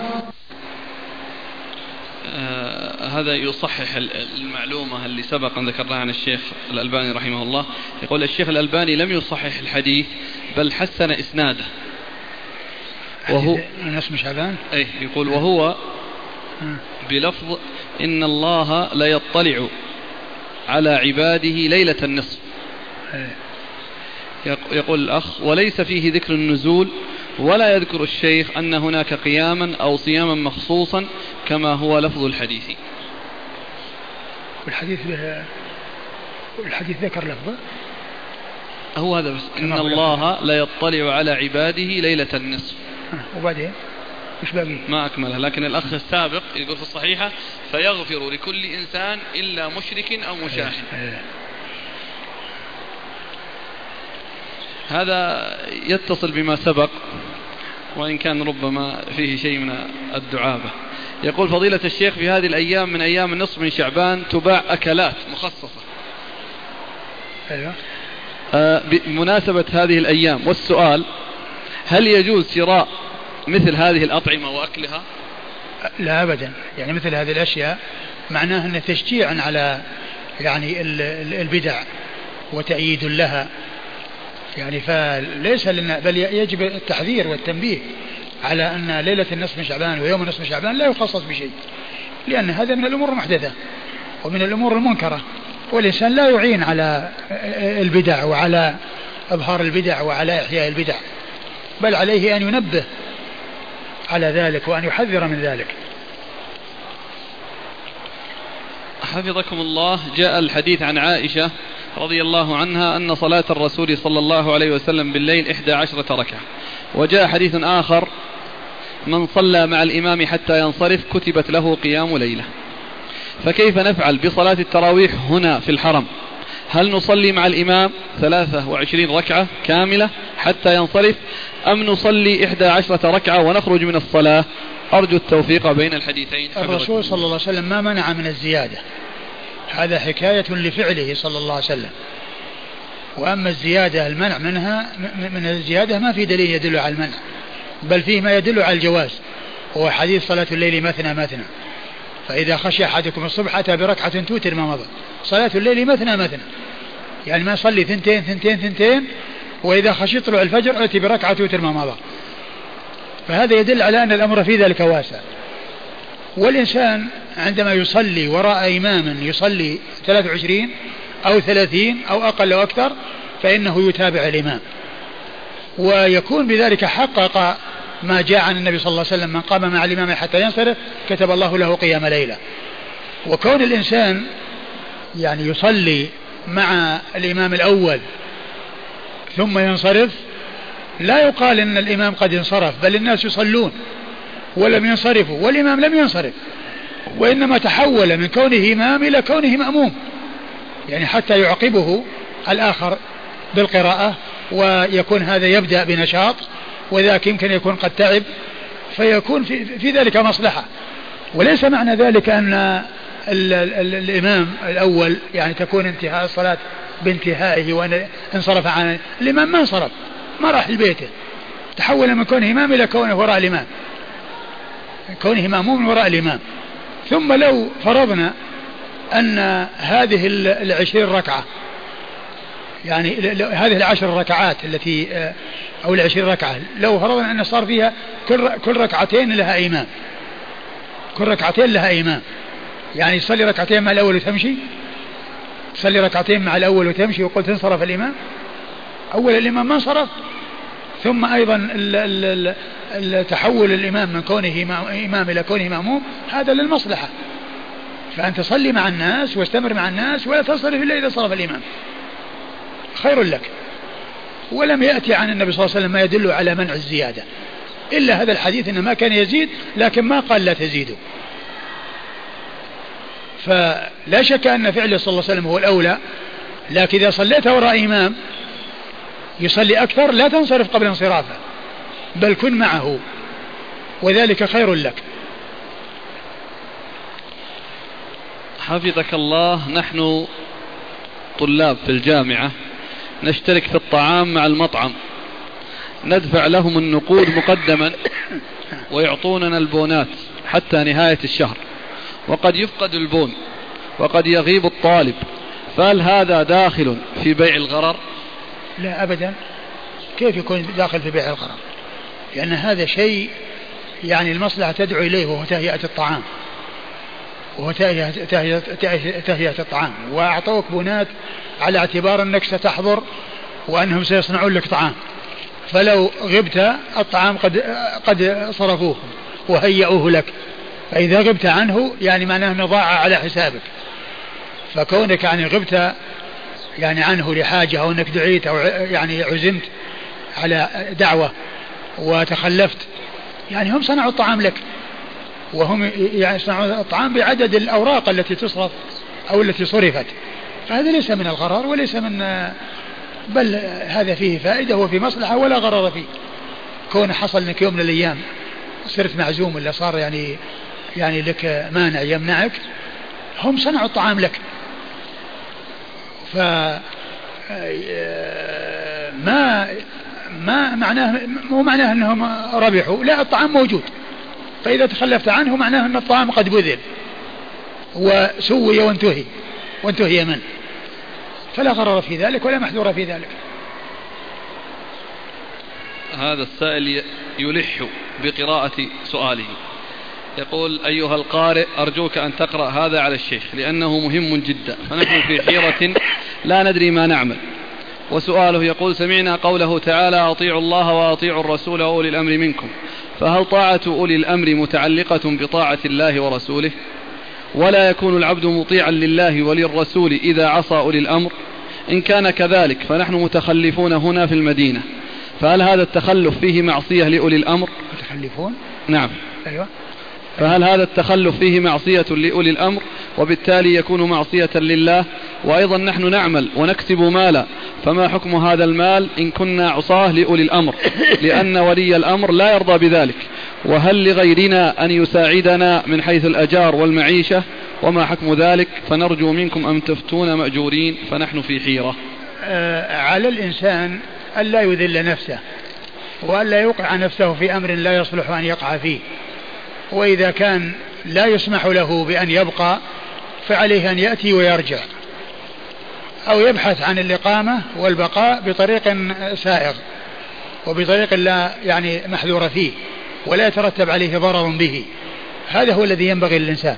وطاعة ولي الأمر هي من طاعة الله ورسوله ما لم يكن معصية. والي الأمر يسمع له ويطاع في غير المعصية. وقد قال عليه الصلاة والسلام من يطع الأمير فقد أطاعني ومن يعصي الأمير فقد عصاني. ثم إيش فائدة الأمير إذا كان يأمر ولا يطاع؟ فإذا أمر بشيء ليس فيه معصية بل, بل هو أمر مباح وأمر سائغ ولا معصية فيه فإن على الإنسان يسمع ويطيع. والإنسان الذي دخل هذه البلاد وليس عنده آه، شيء يمكنه من الإقامة عليه أن لا يعرض نفسه للإهانة ولا يتخلف بل عليه أن ينصرف أو يسعى لأن يحصل الإقامة بطريق آه، يسلم فيها ولا يرتب على نفسه شيئا من الضرر أو يتسبب في أن يلحق بنفسه شيئا من الضرر والإهانة.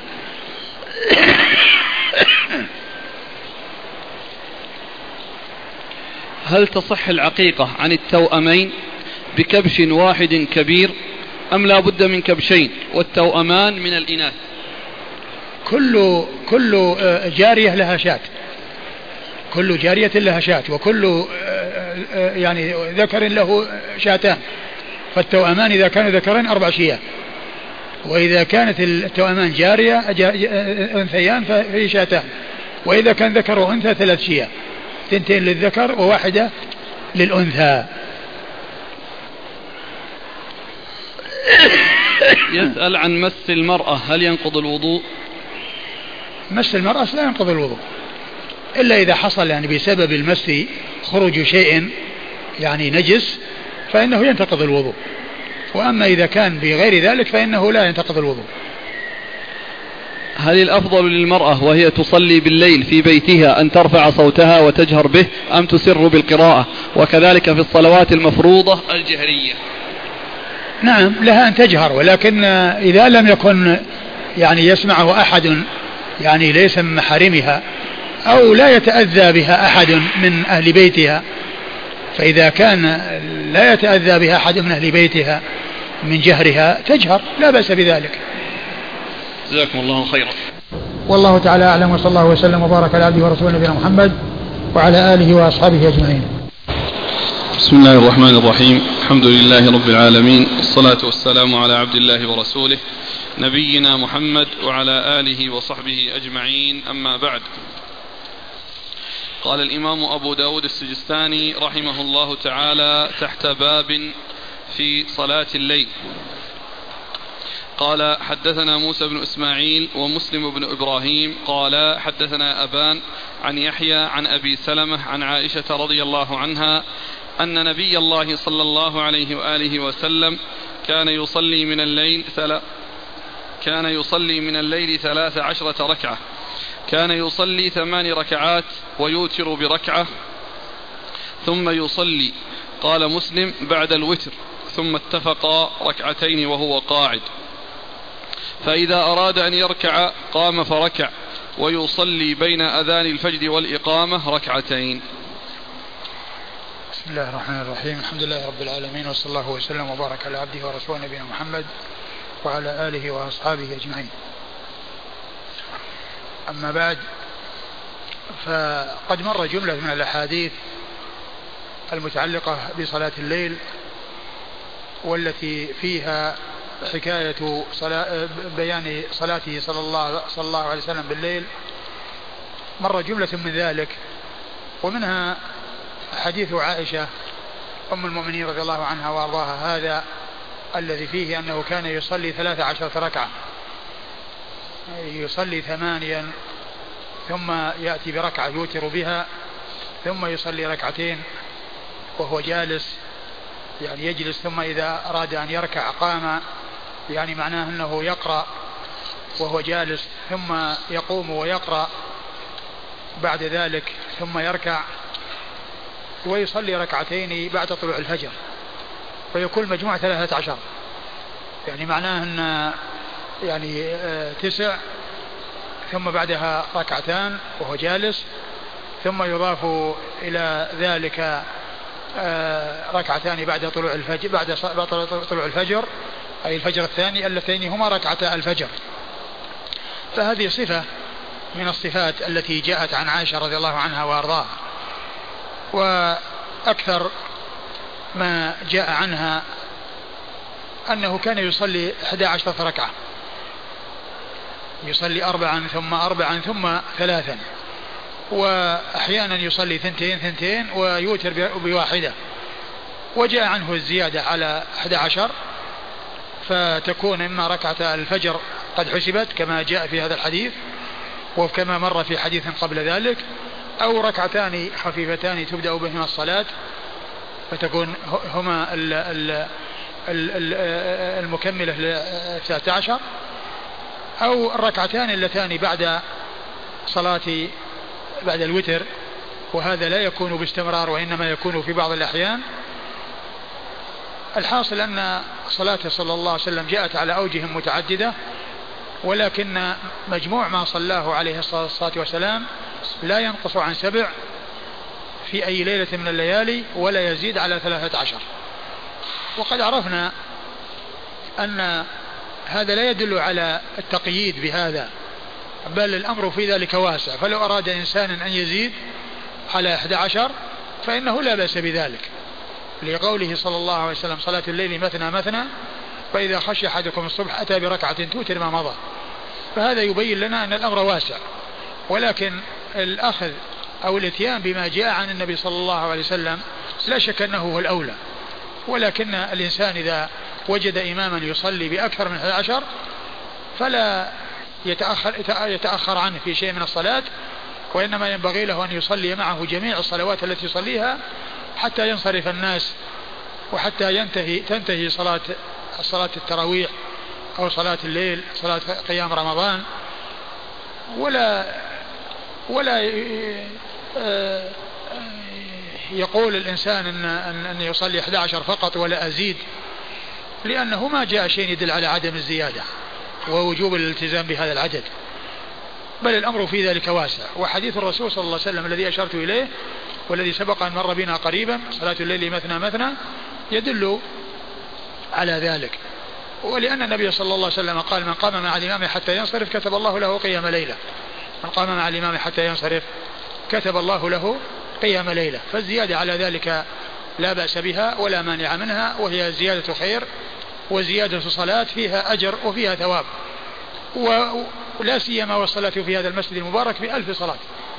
الصلاة في هذا المسجد المبارك بألف صلاة. أي صلاة فيه؟ بألف صلاة. فلا يليق بالإنسان الناصح لنفسه أن يفوت على نفسه شيئا من هذا الخير وأن يعني لا يصلي مع الجماعة أو لا يكمل الصلاة مع الجماعة. لأن النبي صلى الله عليه وسلم ما كان يزيد على 11 لكنه ما منع الزيادة على 11 ولا جاء عنه شيء يدل على المنع. بل جاء شيء يدل على الزيادة. وأورد أبو داود حديث عائشة. إيش اللفظ؟ أن نبي الله صلى الله عليه وسلم كان يصلي من الليل ثلاث عشرة ركعة. أيوة. كان يصلي هذا ركعة. إجمالها. هذا إجمالها أولا ثم يأتي تفصيلها. كان يصلي ثمانية؟ كان يصلي ثمان ركعات ويوتر بركعة ثم أيوة. يصلي قال, قال مسلم بعد الوتر ثم اتفق ركعتين وهو قاعد. يعني مسلم الذي هو أحد الشيخين. نعم فإذا أراد أن يركع قام فركع ويصلي بين أذان الفجر والإقامة ركعتين. يعني هذا إجمالها وتفصيلها. ذكرتها إجمالا وذكرتها تفصيلا. نعم. حسبت سنة الفجر حسبتها من قيام الليل. أي نعم. يعني هذا 13 جعلتها من قيام الليل. لما أن صلاة الفجر كما هو معلوم هي في النهار وليست في الليل. لأن الفجر يطلع ب... الفجر يبدأ بطلوع النهار يبدأ بطلوع الفجر. فهي صلاة الفجر من النهار. وإن كانت في غلس إلا أنها في النهار لأن النهار يبدأ بطلوع الفجر. كما أن صلاة المغرب بالليل وليست بالنهار. لأنها تكون بعد غروب الشمس ومجيء الليل والليل إنما يبدأ في غروب الشمس. والنهار وينتهي الليل بطلوع الفجر. وقد سبق أن عرفنا أن الإمام أبا داود رحمه الله وهذا من تفقهه وهو قليل في كتابه. يعني كونه يذكر يعني شيء من التفقه يعني هذا نادر في كتابه. سبق أن مر بنا أنه قال إذا كان الإنسان عليه جنابة ثم اغتسل للجنابة بعد طلوع الفجر فإنه يغنيه عن غسل الجمعة. يغنيه عن غسل الجمعة لأنه حصل بالنهار يعني. يعني حصل في نهار الجمعة. لأن نهار الجمعة يبدأ ب النهار كل يوم يبدأ بطلوع فجره. نهار كل يوم يبدأ بطلوع فجره.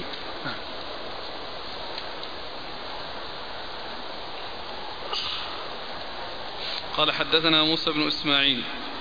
موسى بن إسماعيل التبوذكي ثقة أخرجه أصحاب كتب الستة. ومسلم بن ومسلم إبراهيم. بن إبراهيم الفراهيدي ثقة أخرج له أصحاب كتب الستة. عن أبان. عن أبان بن يزيد العطار وهو ثقة أخرجه أصحاب كتب الستة إلا ابن ماجه. نعم.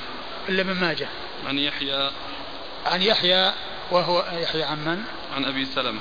عن يحيى وهو بن سعيد يحيى بن سعيد يحيى بن سعيد الأنصاري وهو ثقة.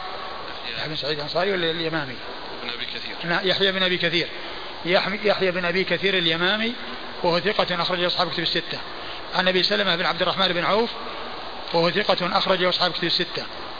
عن عائشة أم المؤمنين رضي الله عنها وأرضاها الصديقة بنت الصديق وهي من أوعية السنة وحفظتها ومن السبعة أو من أشخاص وهي من جملة أشخاص آه، سبعة عرفوا بكثرة الحديث عن النبي صلى الله عليه وسلم. قال حدثنا القعنبي عن مالك عن سعيد بن أبي سعيد المقبوري عن أبي سلمة بن عبد الرحمن أنه أخبره أنه سأل عائشة رضي الله عنها زوج النبي صلى الله عليه وآله وسلم كيف كانت صلاة رسول الله صلى الله عليه وعلى آله وسلم في رمضان؟ فقالت ما كان رسول الله صلى الله عليه وسلم يزيد في رمضان ولا في غيره على إحدى عشرة ركعة يصلي أربعة فلا تسأل عن حسنهن وطولهن ثم يصلي أربعة فلا تسأل عن حسنهن وطولهن ثم يصلي ثلاثا قالت عائشة رضي الله عنها فقلت يا رسول الله أتنام قبل أن توتر؟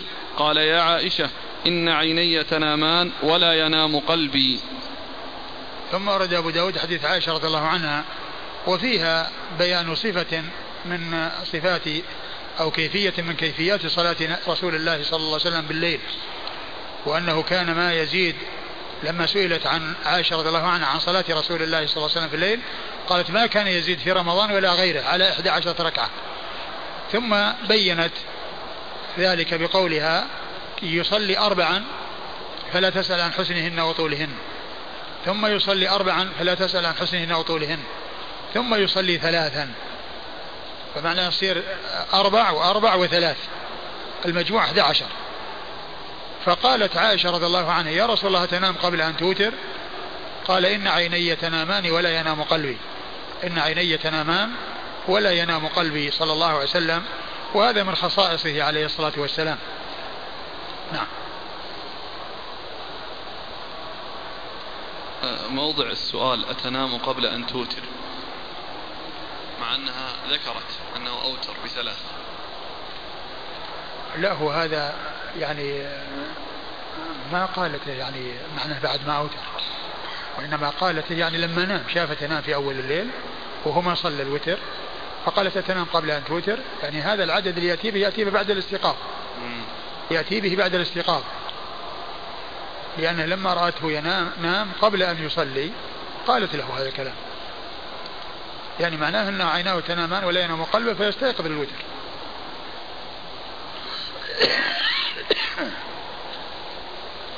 قال حدثنا القعنبي.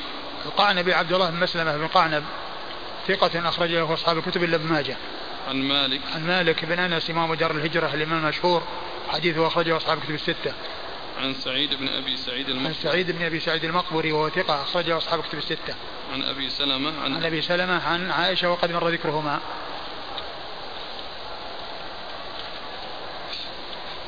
يصلي أربعا فلا تسأل عن حسنهن وطولهن ثم يصلي أربعا فلا تسأل عن حسنهن وطولهن. الأخ يسأل يقول ألا يدل هذا على أن ليس المراد السرد أربعا وإنما تشابههن في الحسن والطول؟ يمكن هو محتمل لكن لا يقال إنه إنه محقق وإنما هو محتمل. ومحتمل أنه كان يعني آه، لا يسردهن ومحتمل أنه كان يسردهن. لكنه جاء السرد وعدم الفصل يعني في أحاديث واضحة يعني لا يجلس إلا في آخرها. لكن بالنسبة لهذه محتمل أن يكون يأتي بها ثنتين ثنتين ويعني يكون الأولى والثانية آه، الأربعة الأول أنها يعني دون آه، يعني طويلة طويلات والتي بعدها كذا طويلات لكنها تكون قد تكون أقل. لا يعني ذلك أنها تكون متساوية محتمل قد تكون متساوية قد تكون متفاوتة وقد تكون أربع متصلة وأربع متصلة وقد تكون يعني ثنتين ثنتين ثم ثنتين ثنتين ويعني يكون يعني هذا في بيان الحسن والطول فالاحتمال موجود في هذا وفي هذا. لكن الوصل ثبت عنه صلى الله عليه وسلم في أحاديث أنه لا يجلس إلا في آخرها. إمام عادته في صلاة التراويح يصلي ركعتين ويسلم. أحد عشر ركعة سنتين ويسلم. فسهى وقام إلى الثالث هل له أن يتم أربعا؟ له. أو يرجع؟ لا له يتم أقول ما دام إذا كان أنه يعني قام وبدأ يعني بالركعة الإقامة للثالثة وبدأ بها يمكن أن يواصل ويصلي أربعة. يصلي أربعة. وهل عليه أن يسجد سجود السهو؟ ينبغي له أن يسجد السهو لأن الذي حصل منه سهو. لأن الذي حصل منه سهو. يعني كونه قام للثالثة سهو ما تعمد ذلك. أما إذا كان متعمد ذلك يجوز ولكنه ولا يجوز عليه سهو وأما هذا عليه سهو قال حدثنا حفص بن عمر قال حدثنا همام قال حدثنا قتادة عن زرارة بن أوفى عن سعد بن هشام أنه قال طلقت امرأتي فأتيت المدينة لأبيع عقارا كان لي بها فأشتري به السلاح وأغزو.